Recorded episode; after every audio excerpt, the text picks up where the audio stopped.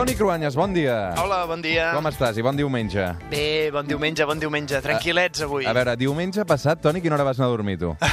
molt tard, molt tard. Molt tard, que ja sortia el sol gairebé, no? Uh, home, sí, realment es va allargar. La nit electoral va ser llarga.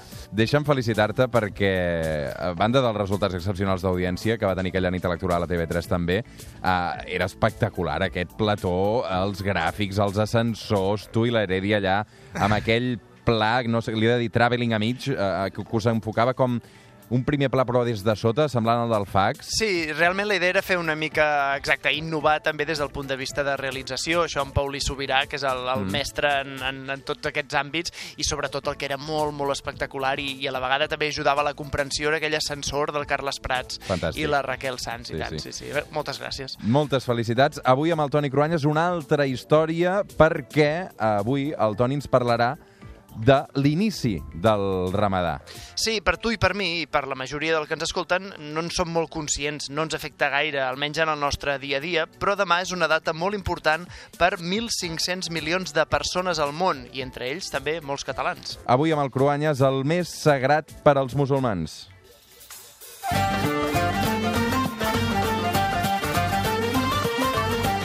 Toni, pels que no som experts en l'islam, eh, sobretot sabem que és el mes en què no poden menjar els musulmans. Sí, eh? les persones que segueixen el ramadan s'han d'abstenir de menjar, de beure, de practicar relacions sexuals, de fumar, de maquillar-se les dones... Tot això fins al vespre. La tradició diu que no es pot fer res mentre l'ull pugui distingir un fil blanc d'un fil negre.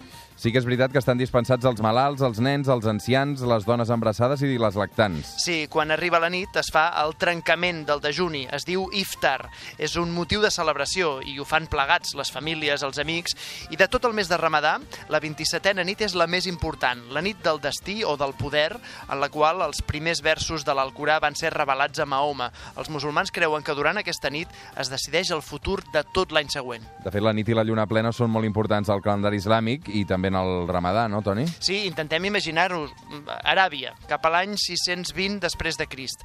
Mentre Europa és l'inici de l'edat mitjana, a Aràbia hi havia dunes i dunes de desert, molta calor, gairebé res a l'horitzó i prop dels pocs punts on hi havia aigua, els oasis, algunes palmeres i homes sobre cavalls i camells amb el color fosc de la cara i els cabells negres, una terra dura, inhòspita, plena de clans rivals que en aquella època sobretot creia en les estrelles, que veien a la nit. De fet, adoraven una pedra enorme a la ciutat de la Meca, encara avui, una pedra que creien que havia caigut del cel. I aquesta és l'època, el país en què de cop hi apareix Mahoma. Allahu Akbar, Allahu ولله Déu és gran, Toni. Alà és l'únic Déu i Mahoma el seu profeta. Això en aquell moment va ser revolucionari. De fet, Mahoma havia conegut molts jueus i també cristians que havien viatjat fins a la Meca. Mahoma estava impressionat per les seves històries de societats com l'hebrea o l'europea, molt més avançada que la seva. Explica Mahoma que va viure una revelació, una visió. L'àngel Gabriel se li va aparèixer i li va dir que havia de donar la bona nova als àrabs que només hi havia un Déu. Havien de deixar d'adorar cap altra divinitat i el que va ser més revolucionari, no havien de sotmetre's a cap altra llei que la d'Allah. Per què era revolucionari? Home, com el judaïsme i el cristianisme, el nou Déu interpel·lava directament a la gent, a les persones, i per això el profeta de Déu a la terra, Mahoma, amb la seva autoritat, era un repte per les tribus i els clans àrabs. Per això, a mesura que Mahoma va tenir més seguidors, el van voler executar i ell va haver de fugir de la Meca en camell i en els seus cavalls. Mahoma i els seus van anar fent-se més i més nombrosos i van guanyar totes les batalles contra els capdills tribals. Es van refugiar a Medina i d'aquí ve el pelegrinatge de fet històric per als musulmans de Medina a la Meca. Exacte, i aquest és un dels pilars encara avui de l'islam, el pelegrinatge que un cop a la vida tot bon musulmà ha de fer a la Meca, igual que també són pilars de l'islam la professió de fe, l'oració, l'almoina i el ramadà. Toni Cruanyes, a veure, com ha pogut una religió del segle VII d'unes tribus d'Aràbia ser tan important a tot el món i encara avui? Mahoma va donar forma a una religió que uneix a Déu i la religió amb una idea política. La paraula de Déu a través també de l'espasa. Islam vol dir submissió a Déu i el missatge de la igualtat de tots els homes va triomfar igual que en el seu moment ho va fer el cristianisme durant l'imperi romà. Quan Mahoma va morir, l'any 632, la majoria de tribus d'Aràbia ja estaven unides com a musulmans. A més, explícitament l'Alcorà, el llibre sagrat, prohibeix als líders musulmans fer la guerra entre ells. Això els va obligar a cooperar, en comptes de guerrejar.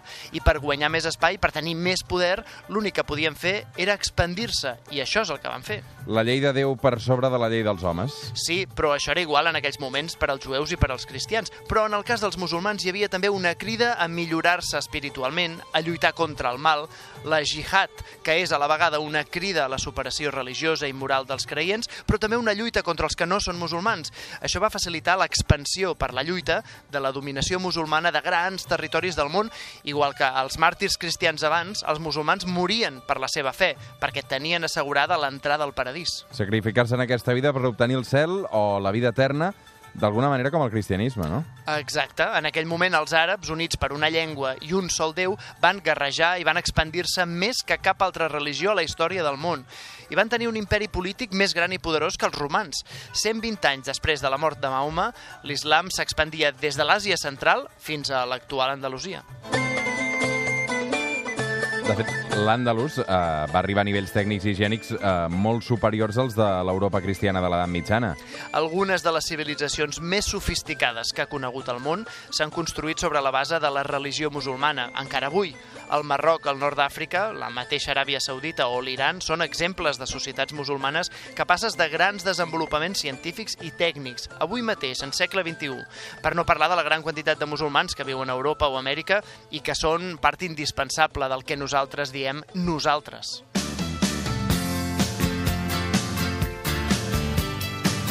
Avui a les 9 del matí arribarem a aquest fantàstic Losing My Religion dels REM, mítica i llegendària, aquesta banda. Uh, Toni, moltes, moltes gràcies per apropar-nos avui uh, doncs, tot el que vindrà amb aquest ramadan que, que arrenca demà. Una abraçada ben forta. Una abraçada, que vagi bé. Bon diumenge.